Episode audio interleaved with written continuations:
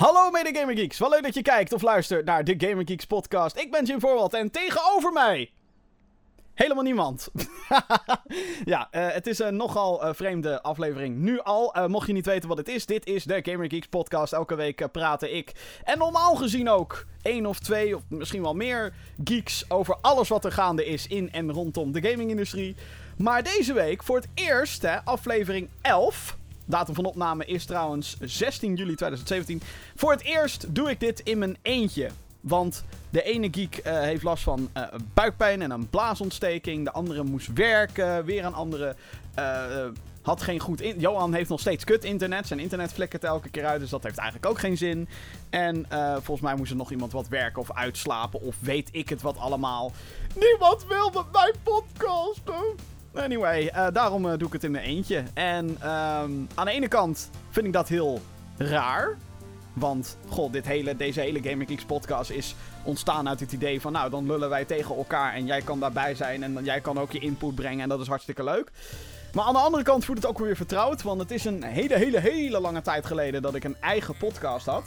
Dat heette uh, Potje Gamen met een D. Dus mocht je je ooit afvragen waar mijn nickname vandaan komt. Want mijn nickname online overal is Potje Gamen met een D. Uh, dat komt daar vandaan. Want podcast schrijf je met een D. En een uh, potje gamen. Ja, vond ik grappig toen de tijd. Nog steeds eigenlijk. Nog steeds een leuke naam vind ik het. vooral ook omdat mensen je online dan alleen maar potje gaan noemen.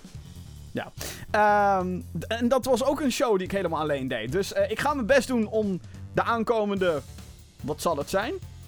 Drie kwartier, half uur, misschien een uur. Ik kijk wel hoe lang deze show gaat worden. Ik ga het in ieder geval proberen om uh, in mijn eentje het uh, zo leuk mogelijk te maken. En mocht je nou uh, op dit moment live meekijken via Twitch of YouTube, laat dan ook vooral weten wat jij wil weten en horen en dat soort dingen. en breng vooral je input ook. En mocht je dit nou achteraf kijken via video of luisteren via Soundcloud of andere podcastdiensten, dan kan je altijd mailen. podcast.gaminggeeks.nl. Ik heb ook een paar mailtjes binnengekregen, daar ga ik zo meteen naar kijken. Ook heb ik uh, het een en ander qua nieuws. Dus op zich, nou, het is dan wel komkommertijd, maar er zijn ook wel wat dingen waar ik het uh, met je over kan hebben. Dus uh, dat is een, een goed dingetje. Laat ik het eerst even met je hebben over Collector's Editions. Want, um, nou, ik heb de afgelopen week, weken eigenlijk, heb ik al het een en ander uh, meegemaakt. En um, één, ding, één van die dingen is de zoektocht naar Collector's Editions. En je weet het misschien wel, als je af en toe op GamingGeeks.nl kijkt, dan zie je dat wij uh, wel eens unboxings doen. Als er een, een Collector's Edition is van een game met wat inhoud waarvan ik zoiets heb van, oh ja, dat is leuk. Dan, dan wil ik die altijd wel halen. Horizon Zero Dawn, die game leek me fucking awesome. Dus ja, als ik dan toch all the way ga, dan ga ik all the way. Dan haal ik de Collector's Edition. Little Nightmares, zelfs een kleinere game als Little Nightmares had een Collector's Edition tussen aanhalingstekens, een 6 Edition. En uh, nu valt er mij op de laatste tijd dat de Collector's Editions, de Limited en dat soort dingen, dat schijnt ook daadwerkelijk limited te zijn. En dat was een ontdekking voor mij, als ik heel eerlijk ben. Want wat gebeurt er? In september komt er een nieuwe game uit in de Metroid franchise. Ik ben fucking groot fan van Metroid. En uh, we hebben iets van 7 jaar moeten wachten voordat er eindelijk een nieuwe game uitkwam. En nu komt er echt een nieuwe Samus Returns op de 3DS. Nou had Nintendo voor Europa echt een fucking epic collector's edition aangekondigd. De Legacy Edition. Met daarin een downloadcode voor Metroid 2 voor, via de Nintendo eShop. Hartstikke leuk. Zo'n soort steelbook case in de vorm van een Game Boy cartridge. Nou, als dat je nostalgische uh, botjes niet gaat kietelen, dan weet ik het ook niet meer. Uh, een soundtrack en een sleutelhanger. En het pakketje zag gewoon, gewoon super tof uit. Dus die wilde ik hebben. En ik denk, weet je, Metroid is niet echt een franchise waarbij heel veel mensen zoiets hebben van: oh ja, must have, must buy, nu gaan. Want hé, hey, waarom laat Nintendo het anders zeven jaar lang verrotten? Dus ik zat een beetje rustig te wachten tot die Legacy Edition eindelijk in, uh, op de Nederlandse webshops beschikbaar was. Ik zie tweets voorbij komen van een paar webwinkels. En ik, oh hell! Ik zat op mijn werk, I didn't care, ik ga die shit kopen. En krijg je meteen al van die, van die technische dingen van... Uh, je winkelwagentje is leeg. Hoezo is dat leeg? Ik heb net wat toegevoegd. Dat soort issues. En ik ging kijken en het blijkt dat die Metroid Legacy Edition... Dus gewoon al overal, overal fucking is uitverkocht. Dat ik denk... What the fuck? Waarom uitverkocht? Metroid? Nu al? Damn. Dus ik verder kijken naar al die winkels. Nergens meer. Het is alsof Nintendo er maar 10 gaat maken. En, en dat vervolgens aan alle webwinkels in, in Europa geeft. Hier, je hebt er maar 10. Verdeel maar. really don't care. Go, go, go. En ik zit te zoeken, jongen. En ik vond het kut. Ik denk, nee. Ik ga gewoon... Ik, ga, ik ben een Metroid-fan. En ik ga gewoon geen Legacy Edition krijgen. Oh, wat erg! En dat is dan nog niet het enige. Want ik dacht daarna meteen, oké, fuck it. Nu moet ik andere Collector's Editions halen. Ik bedoel, hè? What? No money? Hier! Dus ik ga meteen naar een Ubisoft pagina. Ehm, voor Mario plus Rabbids Kingdom Battle Collector's Edition. Dat is een Collector's Edition. Die wou ik sowieso eigenlijk al hebben. Maar ik had zoiets van, ik wacht eventjes. Ik bedoel, hoeveel Collector's Editions zijn er nou? Kom op, die dingen hebben ze met pallets in warenhuizen staan. Nope. Ook de Mario plus Rabbids Kingdom Battle Collector's Edition is al uitverkocht. What the fuck? Hoe, de, hoe kan dat? Dat beide Collector's Editions zijn uitverkocht. En ik weet wat de trend is. Ik weet wat de trend is, dames en heren. Het is een soort van vreemde ehm, trend rondom Nintendo. Nintendo, voor wat voor reden dan ook, vindt het niet nodig om het aanbod te hebben. Er is altijd weet ik hoeveel vraag naar Nintendo shit. Of we het nou willen of niet. En nooit is Nintendo shit er. Nintendo Switch, compleet uitverkocht. Gewoon, als je er nu ook eentje wil hebben. Ehm, ik weet eigenlijk niet hoe dat nu zit. Hoe zit dat nu? We zijn nu drie maanden na release. Ik hoor nog steeds her en der uitverkocht, uitverkocht. En ik zie tweets voorbij komen. Er is weer een levering, snel rennen! Naar je digitale webwinkel. Want oh shit, we moeten gaan. En dan nu met die Mario Plus Rabbids uitverkocht. Metroid Legacy Edition uitverkocht. Super Nintendo Mini uitverkocht.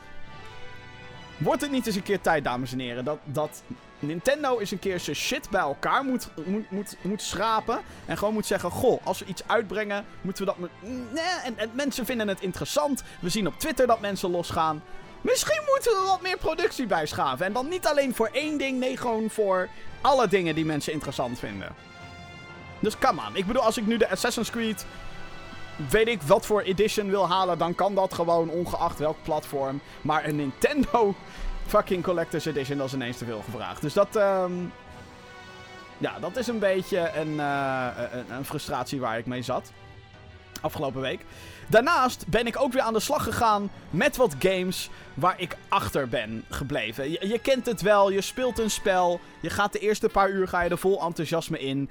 En daarna komt er weer iets nieuws voorbij. Zo'n soort scharrel en dan denk je, oh, dat ga ik spelen. En dan zie je weer iets anders voorbij komen, oh, dat ga ik spelen. Nou, zo ben ik eigenlijk een beetje, ik, ben zo chaotisch in mijn hoofd.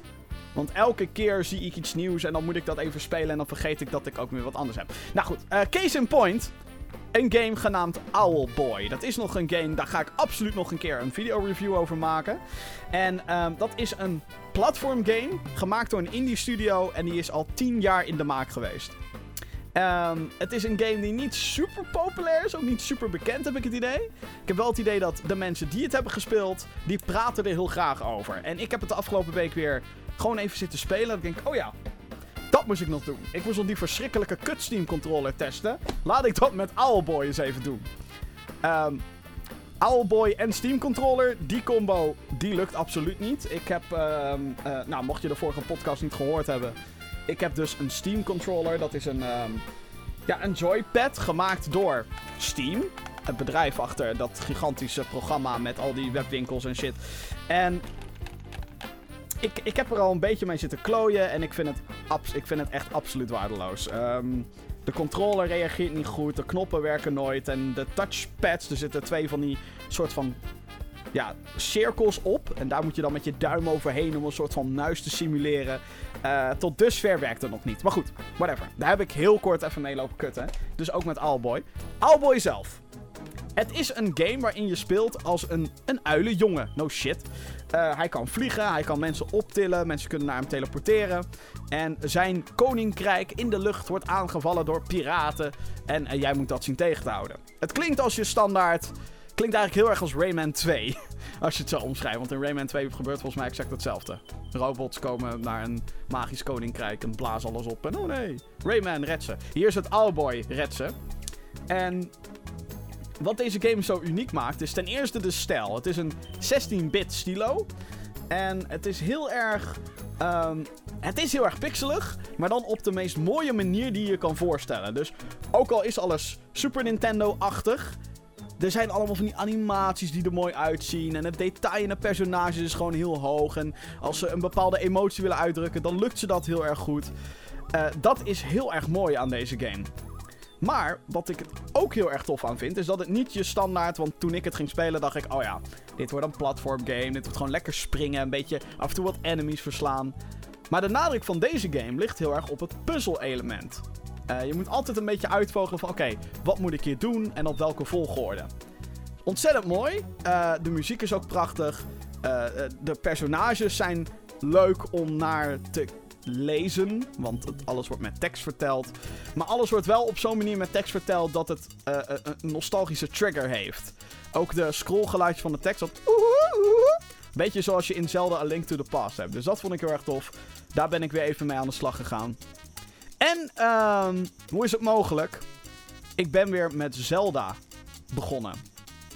En Zelda is een, uh, nou, Zelda Breath of the Wild natuurlijk. Uh, voor de Switch in dit geval. Het is een game die ik uh, uh, ook nog moet reviewen. Oeps. en gek genoeg heb ik die game een maand niet aangeraakt. En ik denk dat dat een probleem is die bij mij ligt. Ik ben bang voor de grote wereld. de grote wereld van Zelda. Het is too much.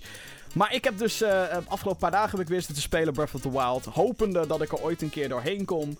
En um, dat is het eigenlijk altijd bij mij. Het is een beetje overwhelming. Dat ik denk, shit, ik weet niet waar ik heen moet, mensen. Waar moet ik heen? Ik kan helemaal daar naartoe klimmen. En dan kan ik vervolgens weer helemaal daar naartoe. En dan denk ik, shit, waar moet ik heen? Um, maar het is wel uh, dat ik zoiets heb van, ja, ja, ja, ja, ja, ja. Ik wil weer meer gaan spelen. Ik wil weer meer gaan spelen. Ik hoor iedereen natuurlijk nu weer dankzij die expansion pass. Want laatst is er DLC uitgekomen voor Zelda Breath of the Wild denk ik, oh ja, ja, ja, ja, ja, ja. Ik heb er weer zin in. Weet je wel, het zijn van die games, die laat je dan even liggen en dan ga je ze weer spelen. En heb ik er weer zin in. Het probleem is dus dat ik dat met heel veel games heb. dat is een beetje issue bij mij. Um, en, uh, nou ja, goed, als we het dan toch over zin in en obsessies hebben, dan moet ik het denk ik ook hebben over Crash Bandicoot, dames en heren. Want um, ik heb het hier al een paar keer over gehad in de podcast. De Crash Bandicoot Insane Trilogy is al sinds een paar weken uit. Het is een remaster van Crash Bandicoot 1, 2 en 3. Die kwamen van origine uit voor de PlayStation Uno. Het was eigenlijk de meest iconische game ever. Wat Mario voor Nintendo is, Sonic voor Sega, dat was Crash Bandicoot voor de PlayStation. En het was zo'n franchise die al een aantal jaren ook dood ligt. Het heeft allemaal met rechten te maken. Naughty Dog maakte namelijk de eerste drie games. En Naughty Dog is een ontwikkelstudio. Die kan je kennen van Uncharted en The Last of Us en Jack and Dexter natuurlijk. En zij begonnen, uh, nou ze begonnen niet technisch gezien met Crash Bandicoot, maar Crash Bandicoot was hun big break. Toen wist iedereen de naam Naughty Dog.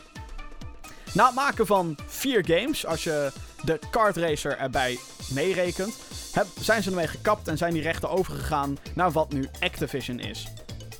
Dus een, tijd lang lag die franchise soort van dood. En heel veel mensen hebben toch wel zoiets van: ja, het is al 20 jaar geleden. We willen Crash weer zien.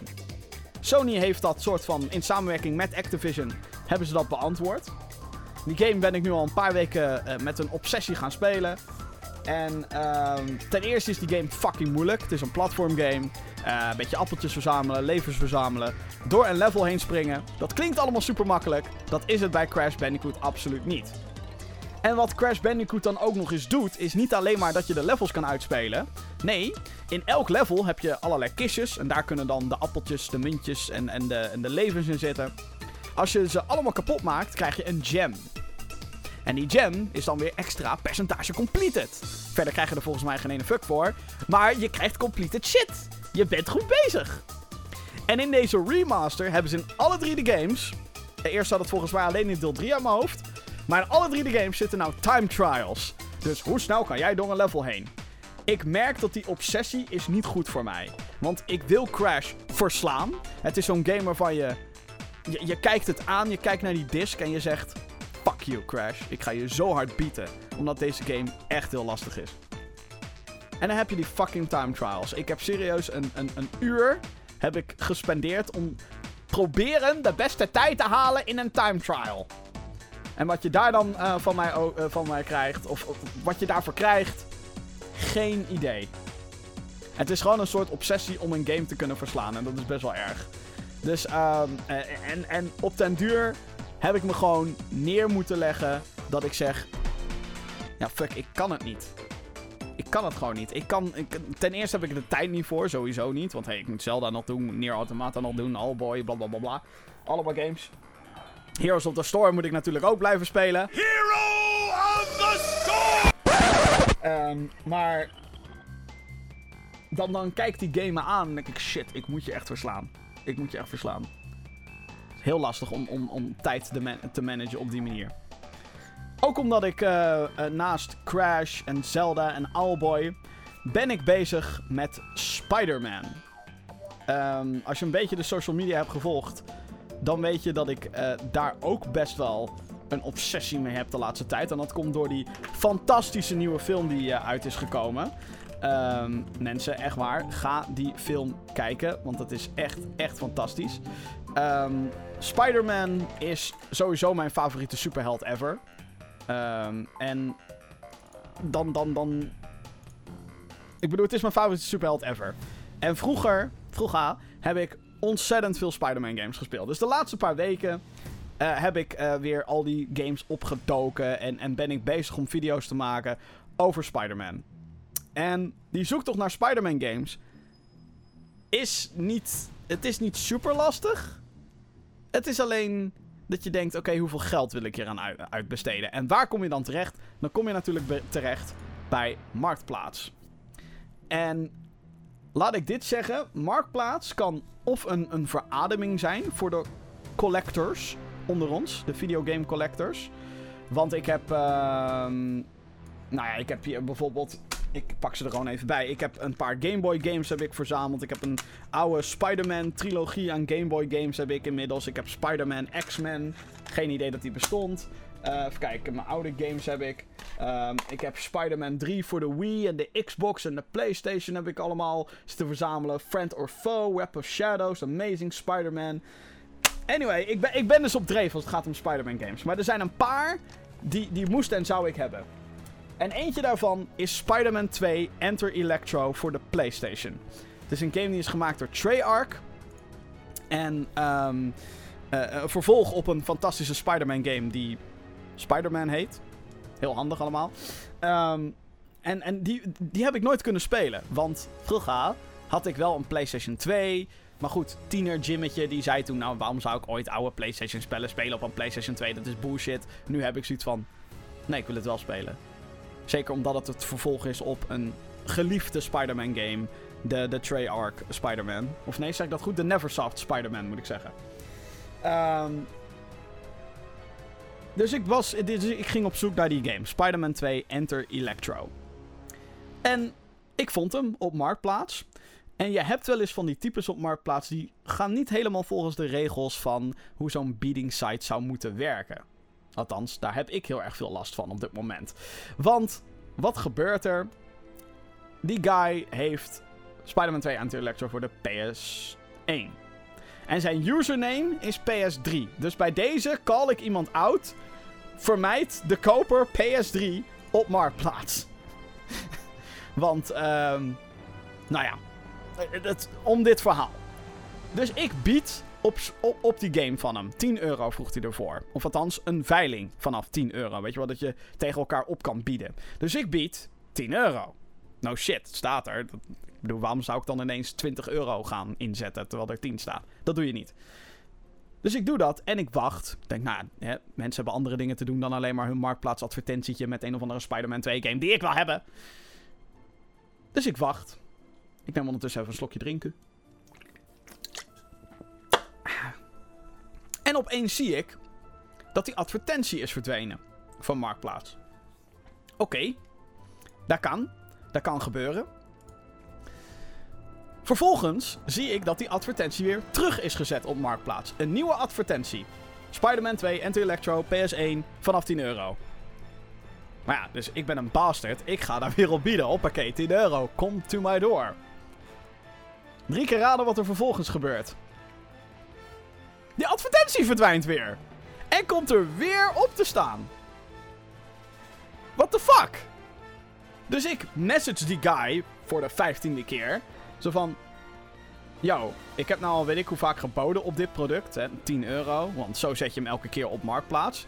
En wat me opvalt is dat je elke keer die advertentie eraf gooit en er dan weer opzet. En ik snap wel waarom mensen dat doen.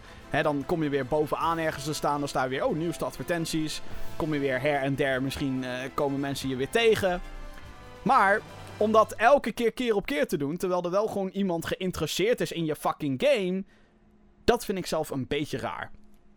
Dus ik had die guy een berichtje gestuurd. Nogmaals, username PS3 op Marktplaats. Vermijden als je dat kan. Ehm, en ik zeg van, dude. Oké, nee, zo zei ik het niet letterlijk. Maar je snapt wat ik bedoel. Dude. Dit is nou al de derde keer dat je... ehm, dat je een advertentie neerzet. En ik heb zoiets van: wil je het niet verkopen? Want dan moet je het niet op marktplaats zetten. Of wil je het niet voor deze prijs doen? Want dan moet je het niet voor die, vanaf die prijs op marktplaats zetten.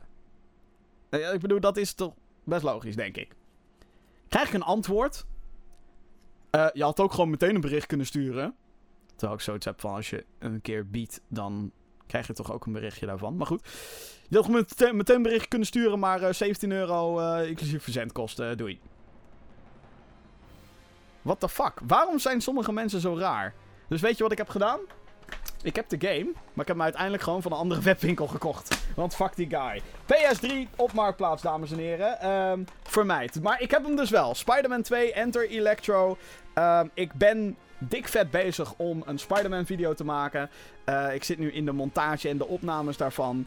Ehm, ik ben heel benieuwd hoe mensen erop gaan reageren. Want het is natuurlijk een soort retro-item eh, over games die niet nieuw zijn. En bij Gamer Geeks hebben we de laatste paar jaar toch wel een soort obsessie gehad om de nieuwste games te doen.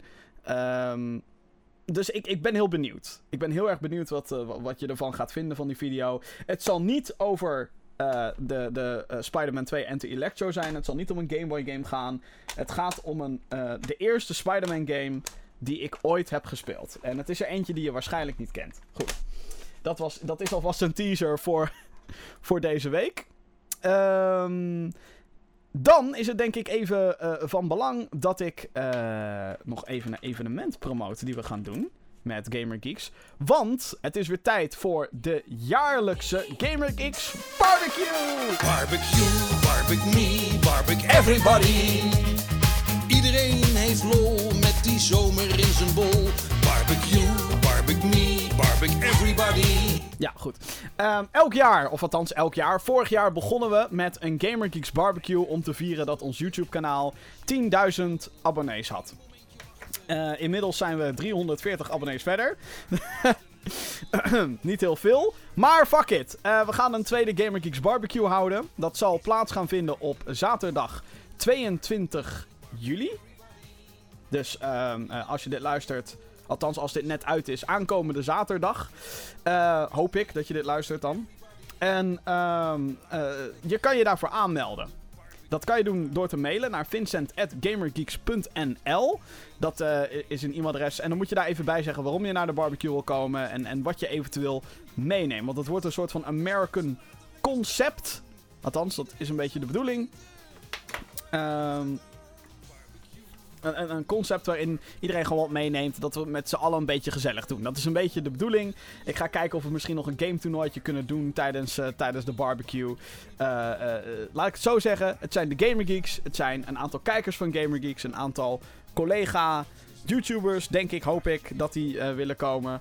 En gewoon gezellig met elkaar. Dus als je daarbij wilt zijn, eh vincent.gamergeeks.nl En dan... Dan eh, zie ik je hopelijk aanstaande zaterdag tijdens de Gaming Geeks Barbecue. Verwacht niet een heel groot evenement. Verwacht gewoon, nogmaals, gezelligheid. Met bier en dat soort dingen. De Gaming Geeks Barbecue. Vincent at gamergeeks.nl Oké. Eh, dan gaan we naar het nieuws van deze week. Want ja, het is dan wel komkommertijd. Maar ook met komkommers gebeuren er dingen. Klinkt gek, en dat is het ook. Allereerst een, uh, een, een free tip. Ik werd hier ook nog door getwitterd. Even kijken, door Joris. Thanks voor je tweet nogmaals. Een uh, herinnering was het. Namelijk een gratis game. Ja, ja, ja, ja, ja, ja, ja, ja, ja.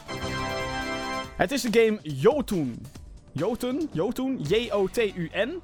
Die is uh, op moment van opname gratis op zowel Steam als Good Old Games, GOG.com. En um, ja, dat is een soort van actie-RPG met een tekenstijl die ze helemaal mooi hebben gemaakt. Het ziet er echt prachtig uit. Uh, ik zou zeggen, google het even en van what the fuck. Het is nu gratis. En dat doen ze om de release van hun uh, nieuwe game te vieren. Namelijk Sundirt, die op 28 juli uitkomt. Die zal ook een, uh, een, zo'n tekenstijl bevatten. Maar als ik naar de beelden kijk, ziet dat meer uit als een soort 2D-platformer. Maar goed, nu dus gratis als je Steam of GOG of beide opent. Dan kan je hem gewoon claimen. Kost je helemaal niks. En dat vind ik een mooi gebaar eigenlijk. Dat zie je niet vaak gebeuren natuurlijk. Um, wat ze wel heel vaak doen is een oudere game natuurlijk dik flink in de aanbieding gooien. Van oh hier, hier, hier, koop de, nog die oude voordat we hè, de nieuwe releasen. Um, vind ik tof. Zie je niet vaak. En uh, als je dit dan op maandag luistert, op het moment dat deze podcast net is verschenen op video en audio. Uh, ja, ik zou zeggen, kijk, nog, kijk gewoon nog even. Want hey, Amerikaanse tijden, Steam tijden, je weet natuurlijk niet hoe het allemaal gaat. Hm. Vaak heb je als Europeaan nog wat extra tijd. Althans, zo voelt het. Dan de nieuwe Nintendo 3DS die gaat uit productie wereldwijd. Dat is uh, bevestigd ook door Nintendo Benelux. Um, ja, de, de nieuwe Nintendo 3DS was een upgrade op de normale Nintendo 3DS. Ik heb de Classico heb ik nog steeds liggen. De oude 3DS uit 2011 met nog een 3D-functie. Geen tweede analoge stick, geen extra knoppen, geen extra processing power. Dat is wat de nieuwe Nintendo 3DS heeft. Um, maar uh, mocht je nou wel een Nintendo 3DS willen halen en dan eentje met de new powers, de XL-modellen blijven nog wel in productie. Dus de nieuwe Nintendo 2DS XL, die is nog maar net uit. Die blijft natuurlijk nog even in productie. En de nieuwe Nintendo 3DS XL blijft ook nog in productie. Ik vind het wel opvallend, moet ik zeggen. Uh, ik vraag me ook af waardoor dit komt. Komt dit omdat ze al een beetje de productie van de 3DS willen afschroeven? Afschroeven klinkt heel raar, maar een beetje hè, al willen verminderen. Of is het omdat de nieuwe Nintendo 3DS normaal geen fuck verkoopt in vergelijking met de XL-modellen? Wat heel goed zou kunnen, want mensen houden toch van een groter scherm. Zie je ook met telefoons en dergelijke. Ik had laatst uh, voor de grap even mijn oude telefoon naast mijn nieuwe telefoon gelegd. En dan zie je toch over het algemeen dat de schermen een stuk groter zijn geworden. Dus misschien is dat het wel. Ik weet het niet. Daar is geen officieel woord over gegeven. Dan uh, de website Bloomberg die meldt dat Oculus later dit jaar met een zelfstandige VR-headset komt. Oculus kan je kennen van de Oculus Rift. Het is een bedrijf uh, van Facebook ook inmiddels. Oculus Rift is een van de drie hoofd VR-headsets die we op dit moment hebben. De andere zijn de HTC Vive en de PlayStation VR. Die laatste is uh, uiteraard alleen voor de PlayStation 4. En die andere twee zijn voor PC. Wat opvallend is aan dit bericht, uh, het is dus nog niet officieel bevestigd allemaal. Maar wat opvallend is aan dit bericht, is um, dat het uh, dus een zelfstandige VR-headset wordt. Je gaat dus geen telefoon nodig hebben die je erin moet klikken. Je hoeft geen PC te hebben die erop aangesloten moet zijn. En de prijs, 200 euro gaat dit ding kosten. Um, ik vraag me dus heel erg af, wat de fuck kan dat ding? Hoeveel kracht kan er in dat ding zitten? Hoe de fuck kan je ooit... Hè? Dus het is allemaal nog niet bevestigd. Maar als dit waar is, dan vraag ik me wel heel erg af wat het gaat kunnen. Want uh, ik bedoel, hoe, hoe kan een apparaat... Het is natuurlijk wel uiteindelijk de toekomst waar we heen gaan. VR-headsets die op zichzelf kunnen opereren. Maar zeker op dit moment, en zeker omdat Oculus op, op dit moment nog een beetje gefocust is op gaming... En de Oculus Rift heeft echt een dikke PC nodig. En de PlayStation VR heeft een fucking lage resolutie. En dat heeft de PlayStation 4 nodig. Nee. Ik vind het een interessant bericht. En ik ben heel erg benieuwd waar het naartoe gaat. Ander nieuws. ehm, ja, niet, niet een game die mij per se heel erg boeit. Maar Gran Turismo Sport. Dat is een eh, racing game. eh, eh, simulatie racing game. Met altijd de mooiste graphics. Ook een PlayStation. Grote PlayStation naam. De nieuwste game. Deel 7 zou dit eigenlijk moeten zijn. Maar ze hebben hem Gran Turismo Sport genoemd. Die heeft dus een release datum. 18 oktober gaat die verschijnen. En is het een van de weinige grote PlayStation exclusive titels eind dit jaar. Want de rest lijkt allemaal naar 2018 te zijn verschoven. Wat ik best jammer vind overigens. Hmm. Ergens hoop ik nog steeds stiekem dat Days Gone dit jaar uitkomt. Dat is die zombie game. Maar dat schijnt niet te gaan gebeuren. Wel kunnen we doen met Uncharted The Last Legacy, die in augustus uitkomt. Microsoft, de concurrent van Sony, die heeft een persconferentie op Gamescom aangekondigd. Of althans, dat ze een persconferentie gaan doen op Gamescom.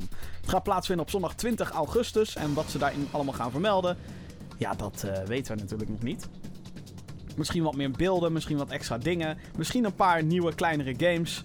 Ehm, het zal ongetwijfeld weer helemaal in het teken staan van de Xbox One X. De upgrade van de Xbox One die in november uitkomt.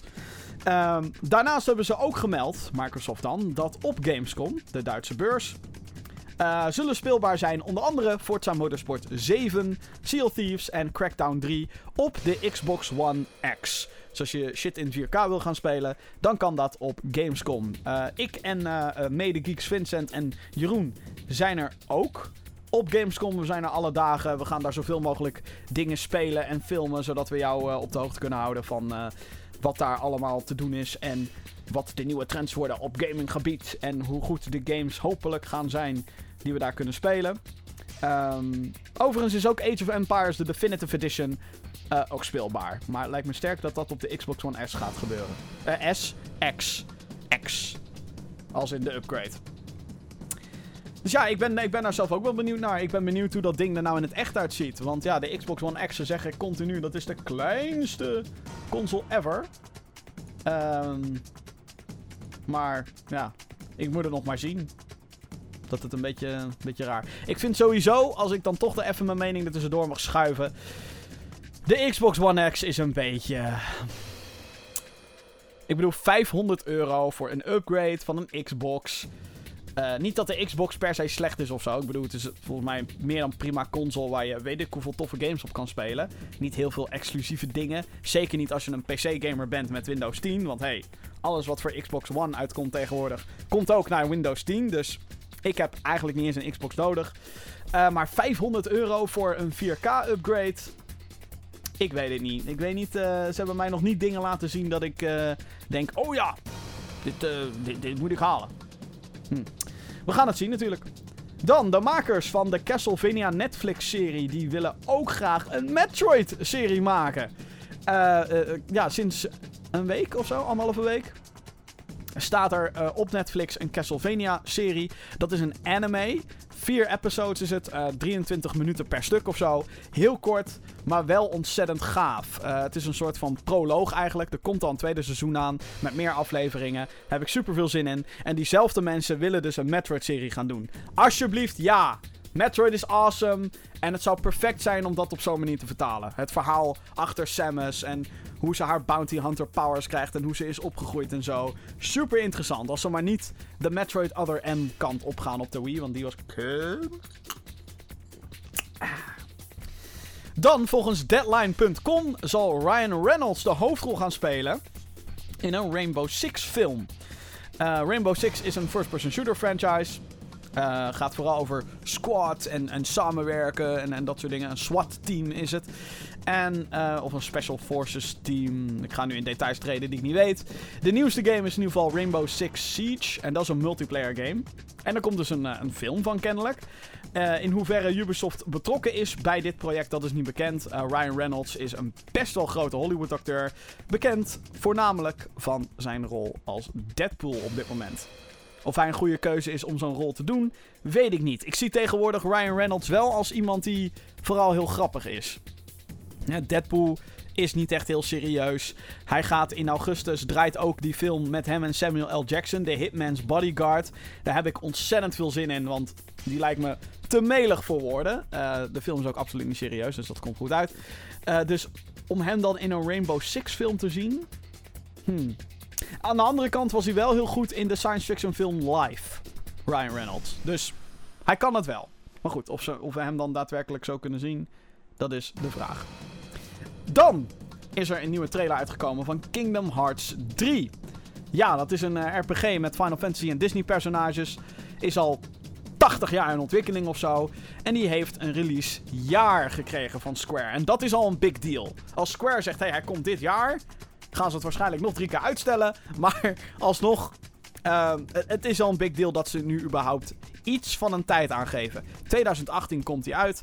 En uh, er werd in een trailer ook een Toy Story wereld onthuld. En dat vond ik heel raar, want uh, nou, je ziet dan een stuk gameplay en een paar cutscenes in, die, in, in, in, ja, in dat beeld. In die video. En dan hoor je Woody en Buzz Lightyear hoor je Japans praten. En dat vond ik zo weird dat ik dacht, hè? Hè? Nee, dit klopt niet. Dit, dit kan niet. Terwijl het er, en dat vind ik heel indrukwekkend, de beelden daarvan. Holy shit, zoek het op. Kingdom Hearts 3, Toy Story. Als je dat intikt, dan krijg je beelden zien dat je denkt, nee. Nee, nee, nee, nee, nee, nee. Pixar heeft, heeft hier gewoon een filmpje van gemaakt. Nou, het ziet er echt fucking mooi uit. Dus dat, uh, ik zou bijna, ik, heb nog geen enkele Kingdom Hearts game gespeeld. Ik weet het, jij denkt, what the fuck?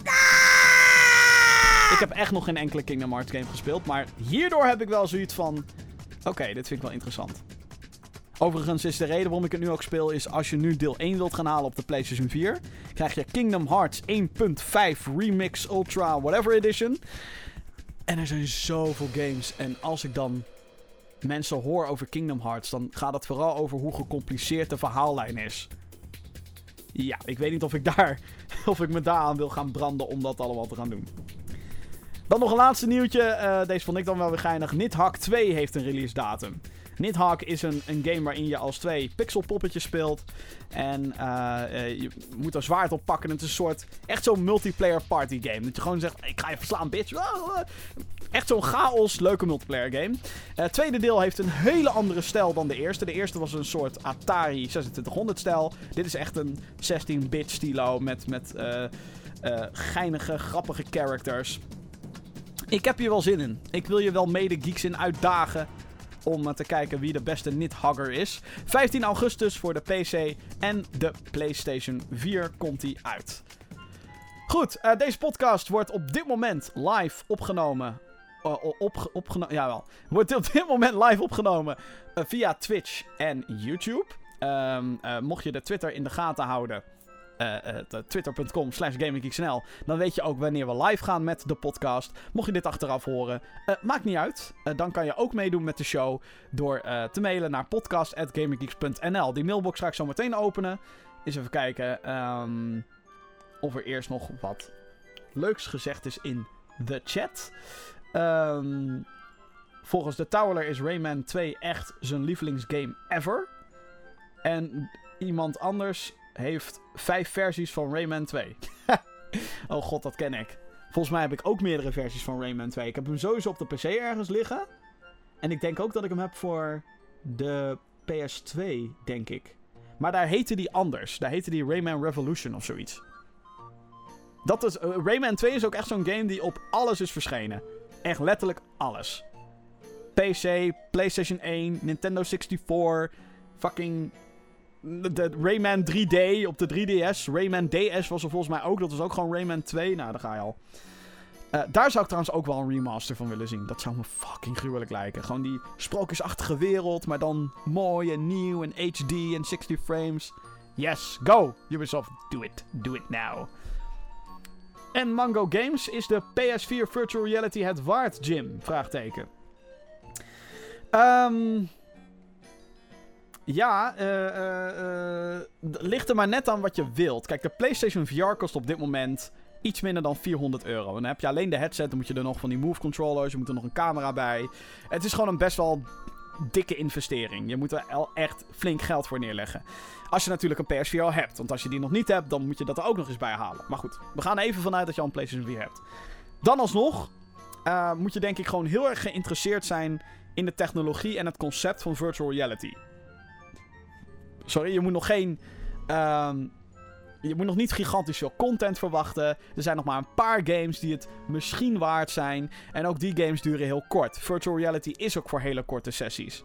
Maar, ja, nogmaals, het ligt er maar net aan wat je wilt en, en, en, en wat je ervan verwacht. Eh, als je echt verwacht dat je gewoon jarenlang er nu mee kan gamen. En dat er echt games zijn die je gewoon acht uur achter elkaar kan spelen. Absoluut niet. Dat niet. Maar, ook ik heb dat ding een paar keer op mijn kop gehad. Eh eh, Gamer Geek Vincent heeft er eentje. Ehm, het, is, het begint wel een beetje te knagen. Maar ik vind zelf de entreeprijs gewoon nog te hoog. Ik bedoel, 500 euro en dan... Weet je wel, en dan, dan ben je er nog niet, want dan moet je ook nog eens games gaan halen. Dat gezegd te hebben, er zijn wel een paar games die ik absoluut wil spelen. Dat Farpoint, dat vind ik ontzettend tof op PlayStation VR. Ik ben, net zoals de rest van de gaming community, ben ik gewoon benieuwd hoe Skyrim in VR werkt, hoe Doom in VR werkt en hoe Fallout in VR werkt. En ehm, Until Dawn, Rush of Blood wil ik nog steeds een keertje spelen. Niet dat dat een hele bijzondere game is of zo, maar gewoon horror in VR. Ja, ik eh, ben gewoon heel benieuwd. En Star Trek Bridge Crew schijnt echt heel erg leuk te zijn. Dus ehm, dat. Ondertussen probeer ik de mailbox te openen. Eh, nogmaals, je kan mailen naar podcast.gamergeeks.nl voor al jouw vragen, kwesties en dingen die je wil weten. Eh, allereerst, Erik Wijntjes, hoi GG, hierbij een paar vragen voor jullie. Zijn jullie in het bezit van een Oculus Rift of HTC Vive? Eh, nee en nee. Wat is de reden waarom je het gekocht had? Of wat is de reden waarom je het nog niet gekocht hebt? De reden waarom ik nog geen Oculus Rift of HTC Vive heb, is heel simpel. Prijs. Het is fucking duur. En dan moet, je, dan moet je ook nog maar de juiste games ervoor ehm, halen. Zeker met de HTC Vive is het een issue. Want de HTC Vive is wat ze noemen room scale VR. En wat dat inhoudt is dat je dan in je kamer een paar sensoren moet hebben. En sommige games zijn dus zo gebouwd dat je moet gaan bewegen in die ruimte. Maar daar moet je dan ook wel de ruimte voor hebben. Dus ik zie het al gebeuren dat in de toekomst. dan komen er, er, er VR-kamers. waarin mensen gewoon alleen maar die sensoren neerpleuren. en misschien een PC om dat eh, daarop te draaien. En dan gaan ze daarin gamen in VR. De holodeck van Star Trek. Het, het wordt een ding, dames en heren. Maar goed, ik heb die ruimte dus niet voor de Vive sowieso niet. En de Vive is echt fucking duur. Nou moet ik er wel bij zeggen dat de Oculus Rift had laatst ineens een price drop van 700 naar 450 of zo. En dan wordt het interessant. Dus hoe, lager die prijs wordt, hoe, hoe toegankelijker het wordt voor iemand om dat ding te halen, hoe beter. Maar goed, dan alsnog moet je ook wel die killer games hebben. En ik heb op dit moment nog niet echt het idee dat er een killer game is. Dus de derde vraag van Erik. Zien jullie toekomst in VR? Ik zie er zeker toekomst in. Maar het zal niet, denk ik dan, het zal niet ehm, het gamen wat we nu doen met een muis en toetsenbord of met een controller achter een 2D-scherm. Ehm, dat zal het niet vervangen. Sowieso niet. Sow- Sowieso de aankomende 10 jaar niet. Want ehm, het, is, het is voor een niche. Het is voor een niche van een niche. Want heel veel mensen kunnen gewoon niet tegen VR. Die kunnen gewoon niet tegen. Die kunnen het niet handelen. Die, die snappen het niet. Het is ook heel gecompliceerd. Het is heel veel gedoe. Want je moet de headset moet je opzetten. Dan moet je die shit allemaal gaan aanzetten. En dan moet je eerst de boel kalibreren met je hoofd en met je controllers. Want alles heeft motion controls. Bla bla bla. Het is veel gedoe. Dus ja, ik, ik zie de toekomst rooskleurig in voor VR. Maar denk niet, eh, althans, ik hoop het ook stiekem van niet. Denk niet dat het ooit het gamen wat wij nu doen gaat vervangen. Dus. Even kijken. Jeroen Helmonds die heeft gemaild. Lieve Gamergeeks. Na iedere schoolshooting in Amerika krijgen videogames de schuld. Van welke games worden jullie agressief? Eh, het hoeft niet zo agressief te zijn dat je mensen wilt vermoorden. Heel erg pijn doen is ook al heel erg.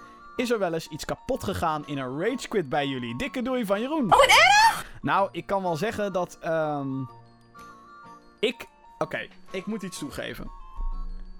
Als ik in mijn eentje ben, of denk in mijn eentje te zijn, kan ik echt fucking hard losgaan op games. Dan kan ik echt gewoon de boel bij elkaar schelden. De ontwikkelaars heb ik meerdere malen klootzakken genoemd. Van wat voor game dan ook, als het ook maar een beetje tegen zit. Fuck. Zeker mensen die intensief met mij hot spelen, weten dat ik ook best los kan gaan. En dat is dan in een best wel competitief spelletje, waarin je gewoon verliest door door gebrek aan skill of, of slechte positionering of whatever. Het is bij mij het allerergste als ik eh, als een game je echt naait. Als er ineens een enemy uit het niets komt. Of er is een bug. Of, of, of, of een glitch, whatever. Waardoor je doodgaat. Of het is gewoon zo fucking impossible. Zoals een paar levels bij Crash Bandicoot. Hmm. Ik denk dat iedereen die de eerste Crash Bandicoot gespeeld heeft. En ik zeg het level met de brug en de schildpadden. Oh ja. Ja. Er zal gescholden worden, dames en heren. Of ik ooit wel eens wat kapot heb gemaakt? Ja, ik heb um, de laatste keer dat ik echt iets kapot heb gemaakt, is toch zeker wel toen ik, ik denk 15 was of zo. Dus dat is dan 11 jaar geleden. En dat was, en dat, dat herinner ik me nog heel erg, want ik had vervolgens zulke grote spijt. Dat was met Super Smash Bros. Melee voor de Gamecube.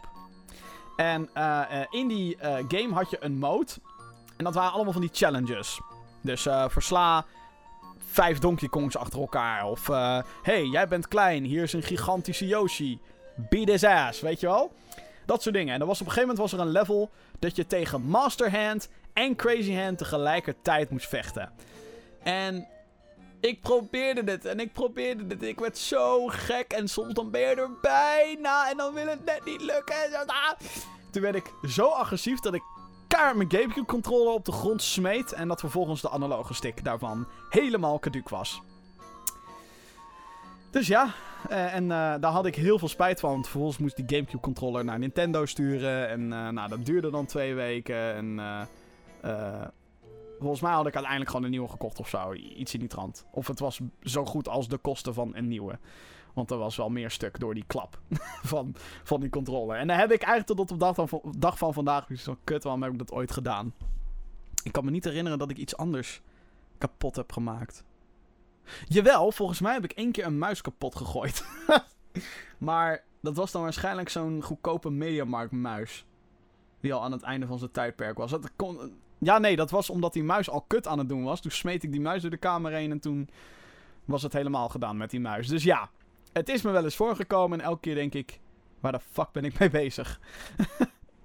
maar het is een uitlaatklep, mensen. Maar verder ben ik um, alleen verbaal agressief. Het is nooit zo dat ik... Uh... Maar niet eens tegen andere spelers, vaak tegen een spel. Ik vind agressief doen tegen andere spelers vind ik sowieso een beetje levenloos. Maar uh, ja, het is, me, het is me wel eens gebeurd. Dus uh, ja, zijn, zijn er überhaupt andere mensen die, uh, die agressieve dingen hebben? Kijk, er wordt hier gezegd nog over PSVR dat move controllers niet verplicht zijn. Um, nee, ze zijn niet verplicht, maar de, de meeste VR-games zijn wel echt 10.000 keer leuker met move controllers. Dan, als je dan die move controllers hebt, dan krijg je pas de echte ervaring. Dus dat. Um, en kun je je eigen PS4-games gebruiken voor VR of moet je speciale, speciale games? Er zijn een paar games die hebben een VR-mode erbij of een, of een, of een, een, een soort experience, zoals Star Wars Battlefront en Trackmania Turbo heeft een paar VR-levels. Maar um, nee, het zijn voor een merendeel wel aparte games. Er zijn maar een paar games die een VR-mode hebben. Zoals Tekken 7, die ik nog steeds keer moet proberen. Goed, um, dan gaan we naar het gesprek van de dag. En die is ook afkomstig van een mailtje. Dat vond ik ook wel een hele leuke. Um, het gaat hier namelijk over filmgames. Tim Nijborn heeft gemaild naar uh, podcast.gamergeeks.nl. Um, gegroet. Ik ben recentelijk een game aan het spelen genaamd The Warriors uit 2005, gebaseerd op de gelijknamige film uit 1979. Je had het in uh, het PlayStation 2 tijdperk en een beetje aan het begin van het PlayStation 3 tijdperk. Filmgames gebaseerd op klassieke films zoals The Godfather, Scarface, Reservoir Dogs, From Russia With Love, James Bond en Ghostbusters. Maar er waren ook veel games gebaseerd op wat recentelijke films en tv-series in die tijd die naar mijn mening best wel leuk waren om te spelen. Wat zijn jullie beste games die gebaseerd zijn op klassieke films of op wat recentelijke films of tv-series recentelijk of van vroeger? Groetjes van Tim Nijborn. Ja, uh, de movie-based game, zoals hij in American Engels dingetjes wordt genoemd. Um, ik, uh, ik, ik vind het heel interessant hoe dat is afgestorven de laatste tijd. Je ziet gewoon bijna nooit meer een game gebaseerd op een film. Niet direct op de PlayStation of op de Xbox. Van, oh hé, hey, deze film komt uit. Dus hier is een game. iets wat ze eigenlijk wel veel vaker zouden moeten doen, denk ik. Want hé, hey, het is cashen, weet je? Je wilt geld verdienen als company. Hoppakee, cash in je handel, biatch. Uh, althans, ik zie het bijna niet meer. Hm. Je hebt natuurlijk wel een Injustice 2. Maar dat is eerder gewoon gebaseerd op de stripboeken en heeft niet een directe film als aanleiding. Behalve dat Wonder Woman in de buurt van die game uitkwam. Hè, maar hè? Ja, je, hebt nu natuurlijk een nieuwe Spider-Man game die eraan komt. Maar die is niet echt in combinatie met de film, want de film is nu al uit. Dus, nee. Uh, hetzelfde met Batman. Ja, Batman Arkham shit. Er kwam niet echt uit omdat The Dark Knight uitkwam. Weet je wat? Het is een beetje. Zijn dingen zijn een beetje iffy. Als er überhaupt een game wordt uh, uitgebracht door middel van een. of omdat er een film uitkomt. dan is dat vaak op de mobiel. En. Ik weet niet hoe het met jou zit, maar ik neem games op de mobiel bijna niet serieus. Want. Ja, het is. Uh, het zijn heel vaak van die grafspelletjes met een kleine gimmick. En de grootste gimmick die er in heel veel mobiele spelletjes zit, is meestal. Koop meer shit! Koop muntjes om verder te kunnen spelen. En daar heb ik een grafhekel aan. Dus nee, daar doe ik niet aan. Um, en vaak zijn de kwaliteit van de games daardoor ook gewoon scheid. Gewoon scheid. Hier, download gratis.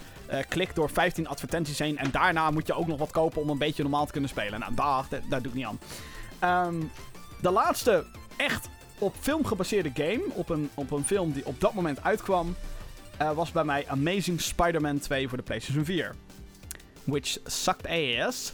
Er staat een review op GamerGeeks.nl. Die is wel heel oud. Het is al drie jaar geleden of zo. Hmm. Het was geen fijn spelletje. Laat ik het zo zeggen. Maar vroeger was het inderdaad een ding. En um, zeker om een game te maken op basis van een oude film, vind ik super interessant. Echt super cool. Dat zouden ze, vind ik, veel vaker moeten doen. Maak gewoon een Blade Runner. Maak een. Uh, shit, goed voorbeeld bedenken. Uh, weet ik veel. Um, shit, nu moet ik echt even een goed voorbeeld. Maak een Terminator 2 game. Ik bedoel, Terminator 2 is perfect om een game, een goede 3D game te maken. Of maak een game rondom de oorlog tussen de machines en de mensheid. Noem het Battlefield Terminator. Uh, ik zou hartstikke in zijn daarvoor. Uh, zijn er nog meer? Gladiator, daar zou je misschien nog wel een game omheen kunnen bouwen. Ja. Um, ik, ik, ik, vond het een hele interessante periode dat ze dat deden. Hoppakee, maak maar een Scarface game. Who gives a fuck? Maak maar een Warriors game. Maak maar een Rambo. Nou, dat was een hele slechte Rambo game. Die wil je niet spelen. Maar het, het principe is heel interessant. Mijn favo's, als het gaat om filmgames. Ik heb wel echt diep moeten graven, moet ik erbij zeggen. Maar ik heb er een paar opgeschreven. Een van mijn favo's is een, uh, nou, de obsessie waar ik het al eerder over had. En dat is de obsessie met Spider-Man. Spider-Man 2. Spider-Man 2 voor de PlayStation, uh, uh, Xbox, Gamecube is fantastisch. Die game. Echt waar. Geweldig. Je voelt je in die game echt als Spider-Man. Het slingeren erin is zo fucking goed gedaan. Want hoe het slingeren werkt in Spider-Man 2. Oh god, ik ga nu helemaal op een Spider-Man 2 fanboy rant. Maakt niet uit. Uh, het slingeren in die game is te geniaal voor woorden. Hoe het werkt is, je kan alleen maar slingeren als er daadwerkelijk een gebouw boven je is. Want hé, hey, je kan niet zomaar iets in de lucht schieten, web in de lucht, en dan maar denken dat je eraan kan hangen. Zo werkt het niet. Dus er moet daadwerkelijk een gebouw zijn waar dat web aan vast kan zitten. En dat bepaalt dus ook in de richting hoe je slingert en of je een bocht kan maken of niet. En uh, hoe snel je ook gaat. En wat dan heel erg gaaf daaraan was, is dat als je de knop ingedrukt hield, of als je de knop uh, ingedrukt hield van, van het slingeren, en je deed het nog een keer, dan deed hij dus met zijn tweede hand. Dus dan kon je op twee webdingen gaan slingeren en dan kon je er eentje loslaten. Het werkte subliem. Zeker, uh, maar dan niet als in makkelijk. Het, het, zeker als je die game net begint met spelen, denk je: wat de fuck ben ik aan het doen? Ik ben aan het kutten. Maar dat is juist heel mooi, want zo zou Spider-Man ook aan het kutten zijn als hij net begon met slingeren. En op een gegeven moment krijg je dat ritme te pakken van dat slingeren en dan ga je door New York heen en dan voel je je echt Spider-Man. Maar ook vooral omdat de moves die je had in die game, je kan bijvoorbeeld iemand webben en dan kan je hem zo om je heen laten slingeren. Je kan meerdere gasten tegelijk webben als je die skill eenmaal hebt. Je kan gasten aan stoplichten ophangen met je web. Je kan mensen gewoon van gebouwen afflikkeren. Je hebt spider sense. Het is echt het complete pakket in dat opzicht. Het enige wat er een beetje kloot aan is, dat zijn de graphics. Ook voor dat tijdperk. Uh, de graphics waren gewoon niet zo heel erg mooi. Maar ik vergeef dat gemakkelijk. Want die, die, je voelt je Spider-Man. En dat is exact wat je moet hebben van zo'n game. Net zoals dat je in Batman Arkham Asylum je echt voelde als Batman. Zo, je voelt je als Spider-Man in Spider-Man 2, de movie, de game voor de PlayStation 2, Xbox en GameCube. Geweldig. Dus die. Ehm, de eerste paar Harry Potter games. eh, ik heb ze dan voornamelijk op de PC gespeeld. Maar die zijn fantastisch. Wel heel laagdrempelig als het gaat om gameplay. Eh, want hè, je speelt een beetje als Harry Potter. Je loopt een beetje rond. Je bent een beetje flipendo, flipendo, flipendo aan het casten. Maar die games zaten wel gewoon goed in elkaar. En het, de, grap is, het was niet eens... eh, tuurlijk, die games werden gemaakt omdat de film uitkwam. Hè, de, de Steen der Wijzen en de Geheime Kamer. Maar ehm, ze hadden een beetje de vrijheid om niet alleen de film te pakken, maar ook juist dingen van de boeken. Die misschien niet in de film zaten. Of ze verzonnen er zelfs dingen bij die niet in beide zaten. En dat was juist zo mooi. Het was echt alsof je een ehm, compleet andere vertelling deed van Harry Potter. En wat daar ook zo vet aan was, en die hebben we ook een video over gemaakt, was de soundtrack van, ehm, van Harry Potter. Eh, die werd namelijk eh, gedaan door Jeremy Soule. Dat is een, eh, een, een componist die, eh, eh, die Elder Scrolls ook doet. Geweldige vent. Althans, de muziek die hij schrijft. Even kijken. Hogwarts Theme Game. Kijken of ik hem dan krijg. Ja, ja, ja. Moet, moet, moet je horen, dames en heren. Als hij komt. Oh shit, dat is heel hard. Sorry. Dan komt hij.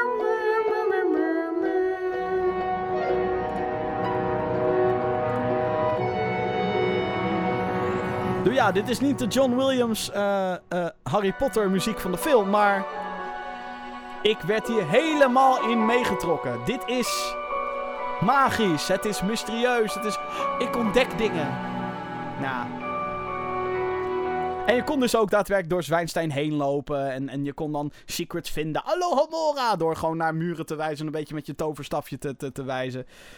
Eh, of eh, met je toverstafje te zwaaien en dan naar muren te wijzen. Het, het, dat waren echt geweldige games. Ik heb ehm, de eerste twee op eh, PC heb ik heel veel gespeeld. Ik weet dat er voor elke film een game uit is gekomen. zeker na de derde volgens mij ging EA steeds meer richting de films. En dan is het echt zo'n...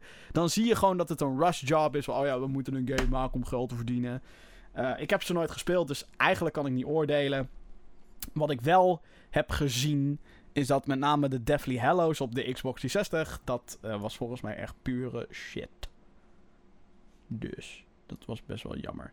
Een andere die ik wel tof vond, eh, Lord of the Rings, dames en heren. Lord of the Rings, ehm, eh, er waren er twee uitgekomen ehm,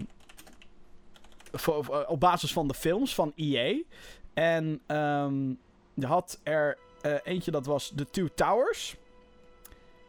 En die vond ik ook wel fantastisch. Dat was een, een, een hack-and-slash game. Eh, en je speelde daar met Legolas of Aragorn of Gimli. En je ging gewoon door twee films heen. Je ging door Fellowship of the Ring en door The Two Towers. En zeker voor die tijd waren de graphics van wow. Het is net echt. We hebben het over 2003 of zo, hebben we- of 2004 of zo hebben we hier over. 2002 zelfs, denk ik nog. Eh, het is net echt! Helemaal niet. Maar het was gewoon heel gaaf, omdat eh, eh, ze hadden de muziek van de game, ze hadden de locaties van de game. of van de film, moet ik zeggen. De game had de locaties en, en soundtrack van de film. En het voelde dus ook echt alsof je in het Lord of the Rings universe zat. Kon ook special moves unlocken en dat soort dingen. Ehm, en dan heb je ook nog Return of the King. Voor de PlayStation 2, Xbox, Gamecube. Die vond ik ook helemaal te gek. Dus eh, die eh, eh, zou ik ook aanraden als je die nog een keertje ehm, wilt spelen. Zeker Return of the King gaat echt veel epischer. En daar kan je niet alleen met Aragorn en Legolas en Gimli spelen. Je kan ook met Gandalf spelen en met Sam en met Frodo. En nou ja, best wel vet, vond ik. Op de PS1 waren de eerste twee HP-games anders dan op de PC. Ja, dat was dus ook zo gaaf aan die Harry Potter games. Een beetje het breken van topic nu. Maar maakt niet uit. Ehm, toen de tijd, toen er vroeger, dames en heren, werd er nog moeite gedaan om voor elke console een aparte versie te maken. Dus je had voor Harry, net Harry Potter bijvoorbeeld, had je een compleet andere game op de PS1 dan op de eh, PC. Maar de PlayStation 2 game, GameCube, Xbox, PlayStation 2, GameCube, Xbox game, waren ook weer anders. dan had je natuurlijk nog een Game Boy Advance game, moest anders. En een Game Boy Color game moest ook weer anders. Sterker nog, ik heb hier Harry Potter voor de Game Boy Color liggen. Was ook weer allemaal anders. Dus dat was eh, ook wel gaaf. Uh, geldt niet voor Lord of the Rings overigens. Volgens mij uh, is dat echt alleen maar op die drie main consoles verschenen. The Two Towers en Return of the King. Heel erg tof. En um, als je een wat modernere Lord of the Rings game zoekt... Dan uh, kan ik je graag verwijzen naar Shadow of Mordor en de aankomende Shadow of War die nog uitkomt. En ja, als we het over films, filmgames hebben, dan is er natuurlijk maar één voorbeeld. Een franchise die nog steeds als een tierenlier loopt. En dat is Star Wars. En dat vind ik zo interessant als je ervan uitgaat dat Star Wars groter is dan eigenlijk alleen de film. Star Wars is een fenomeen, ook onder de gamers. Je zou bijna zeggen, ja, Star Wars is een game franchise, toch? Nee, nee, nee, het is een film. Het begon allemaal bij de film, natuurlijk. Nee.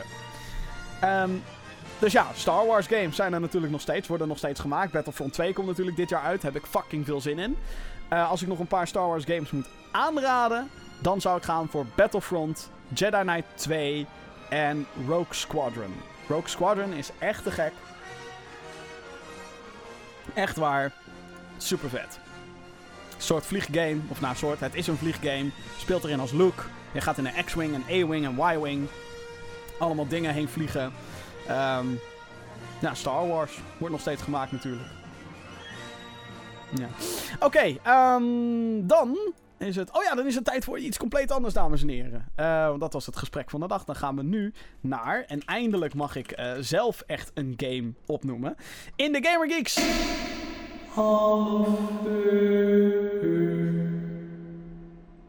Ja. De Hall of Fame is een onderdeel in de podcast, dames en heren. En wij... Um, althans, wij. Ik ben nu in mijn eentje. Maar normaal, ik en andere kiezen dan een game uit die uh, oud kan zijn, het kan nieuw zijn, maar het is in ieder geval een game waarvan wij zeggen, oh ja, dit, dit was te gek. Dit moet je absoluut spelen. En uh, ik heb er eentje. Eentje die uh, in de vergetelheid is geraakt inmiddels. Um, eentje die... Um, het, het, het is een game die compleet op zichzelf staat omdat er nooit een vervolg op is gemaakt. En dat zijn de meest frustrerende games, films, series, whatever. Als er een te gek iets is waar dan geen vervolg op komt. Ik heb het nu over de game 13. En 13 is een first-person shooter gemaakt door Ubisoft. Uh, Ubisoft uh, is natuurlijk een grote uitgever, gigantisch grote uitgever. En um, zij maakte in 2003, kon deze game, maakte zij een first-person shooter met een comic book stilo.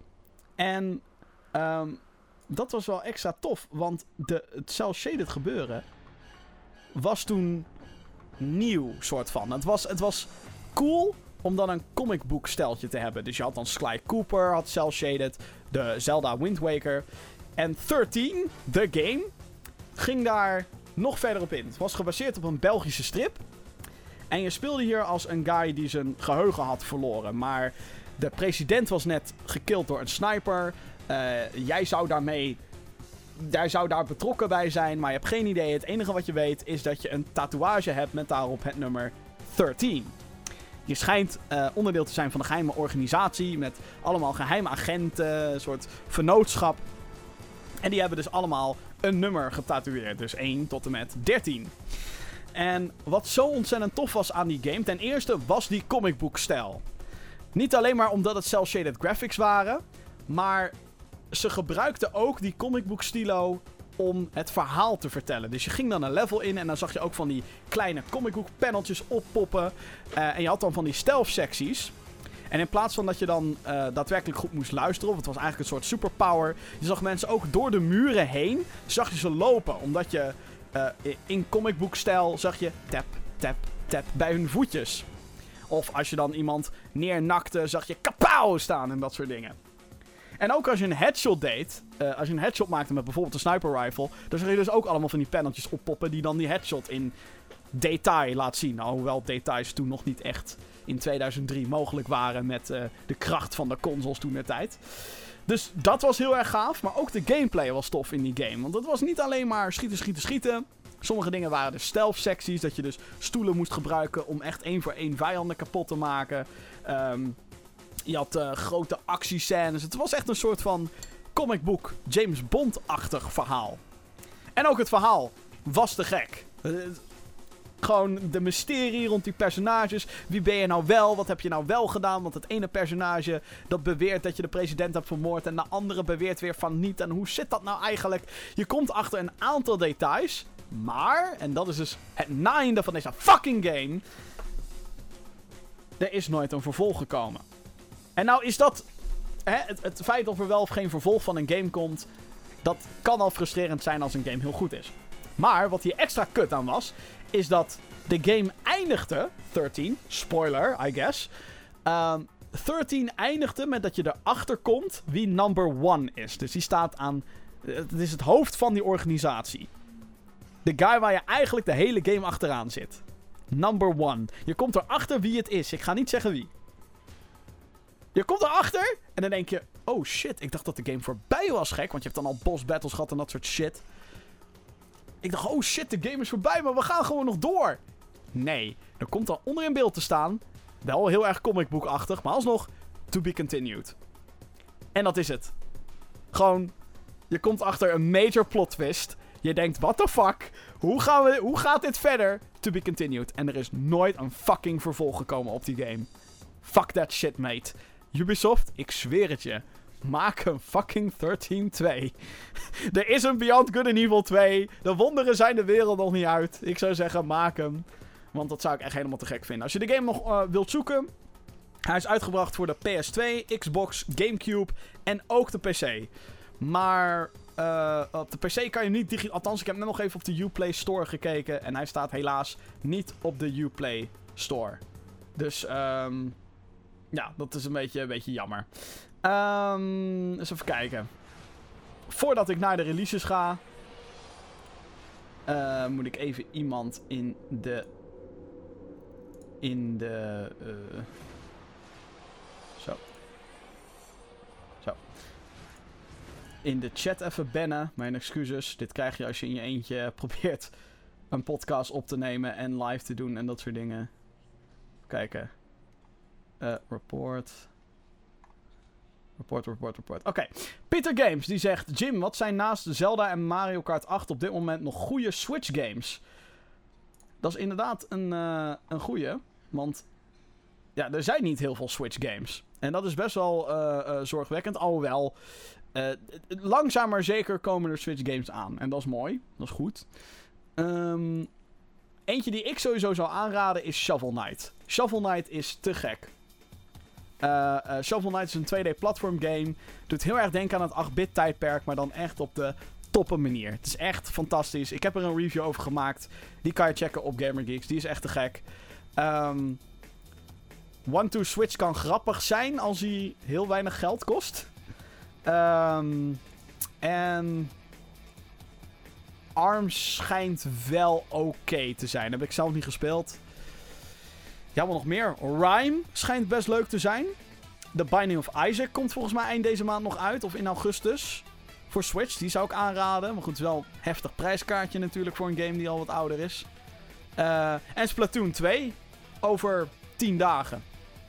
Dus dat is er eentje die, uh, die ik in de gaten zou houden. Splatoon 2 is toch wel uh, de zomergame, denk ik. Voor, um, voor de Switch. Uh, denk je dat Gamescom of denk je dat PlayStation een Gamescom conferentie gaat doen? Dat weet ik niet. Eigenlijk. Um, ze hebben de, de, Sony heeft de afgelopen paar jaar een soort van mailtje, middelvingertje gegeven tegenover Gamescom. Zo van, hey, we don't care about, uh, about fucking Gamescom. Waarom zouden we? Ik bedoel, hallo, we zijn Sony, we zijn PlayStation. Uh, en dat vind ik best wel jammer, want ik zou heel graag op Gamescom video's willen maken over PlayStation en de titels, maar nooit hebben ze... Ze hebben daar wel een stand altijd op Gamescom, dus uh, als je gewoon bezoeker bent, dan merk je daar helemaal niks van. Maar ja, de pers uh, die krijgt nooit echt iets nieuws te zien of whatever. En dat vind ik best jammer. Um, ik denk niet dat ze een persconferentie gaan doen. Een paar jaar, of een paar jaar, uh, vier jaar geleden of zo hadden ze echt een big ass persconferentie met Hideo Kojima en Michel Ancel op het podium en dat soort dingen. Dat vond ik toen echt te gek. Of was het 2014? Het was 2014, sorry. Drie jaar geleden. 2014 hadden ze een persconferentie. Die was echt te gek, maar de jaren daarna was het echt een beetje... Ja, fuck Gamescom. En dat vind ik jammer, want Gamescom is wel de grootste Europese beurs die er is. En ehm, ik denk dat ze daar nog heel veel promo kunnen halen als ze ook de pers daar leuke dingetjes laten doen. Maar goed, wie ben ik? Niet de grootste pers die er is in ieder geval.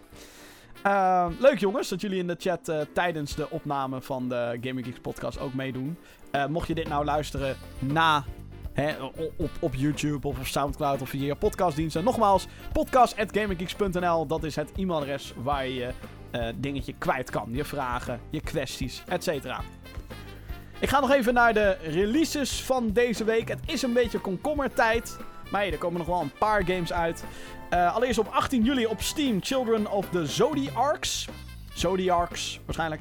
Uh, dat is een tactische RPG. Zoals je daarvan bent, uh, kan je die in de gaten houden. Ook op 18 juli Yonder, de Cloud, Cloud Catcher Chronicles. Dat is, komt ook uit op Steam, 18 juli. Uh, ik weet niet echt exact wat het is. De ontwikkelaar beschrijft het als een adventure. Maar als ik dan een beetje naar de beelden kijk en zo, doet het mij denken aan een indie-versie van Zelda Breath of the Wild. Dus heel erg met beestjes en verschillende gebieden en dingen ontdekken. En, uh, het ziet er wel leuk uit voor wat het is eigenlijk. Um, dan op 20 juli op de PlayStation 4, Orcs Must Die Unchained. Het is een game waarin je als uh, uh, uh, een guy... Het is een horde mode game, dus je bent in een level. Komen allemaal orks op je af en die moet je uitzien te schakelen met... Door traps neer te zetten en, en zelf ook een beetje mee te mappen. Um, het is een free-to-play game. De eerste twee games waren gewoon betaald. is ook al een tijdje uit op Steam trouwens, deze game. Maar nu komt hij dus naar de PlayStation 4. Zelf niet gespeeld. Nou, ook op 20 juni, dan schijnt er iets van een release te komen rondom uh, Gigantic. Voor de Xbox One en Windows 10. Dat is een MOBA. Een MOBA, uh, third-person MOBA. Dus de camera zit achter je, je kan een beetje schieten. En, en uh, ligt eraan welk character je speelt natuurlijk. En deze MOBA heeft een twist. Namelijk dat er een soort van groot beest is aan elk team. En die gaan op een gegeven moment tegen elkaar vechten. En dan kan je jouw beest strength geven door dingen over te nemen. En uh, torens en zo. Ik heb het een paar keer geprobeerd te spelen en ik vond het best ingewikkeld. Dus als je van plan bent om echt into Gigantic te gaan zitten, dan um, wordt dat een nogal een heftige klus. Ik vind het trouwens verbazingwekkend dat die game nog steeds ontwikkeld wordt. Want dit is echt al vier jaar geleden. Volgens mij kwam de eerste Alpha Alpha Gigantic. En sindsdien is het echt zo van... Jeetje, hallo. Wanneer... Uh, hm? Wanneer komt hij nou uit? Nou, het schijnt, het schijnt nu dus echt te gaan gebeuren. Maar in hoeverre het een succes wordt en hoe lang die dan nog blijft, dat is nog maar de vraag. Dus, lieve mensen, uh, ik ben al meer dan een uur bezig. En dat vind ik eigenlijk best knap om dat in mijn eentje te doen. Alhoewel, ik heb natuurlijk de, de live chat meegekregen. Dank je wel voor jullie vragen. Uh, is toch een wat extra vulling en doe ik het toch niet helemaal alleen. Maar uh, ja, dit is de elfde aflevering van de Gaming Geeks podcast. Ik ga er een einde aan breien.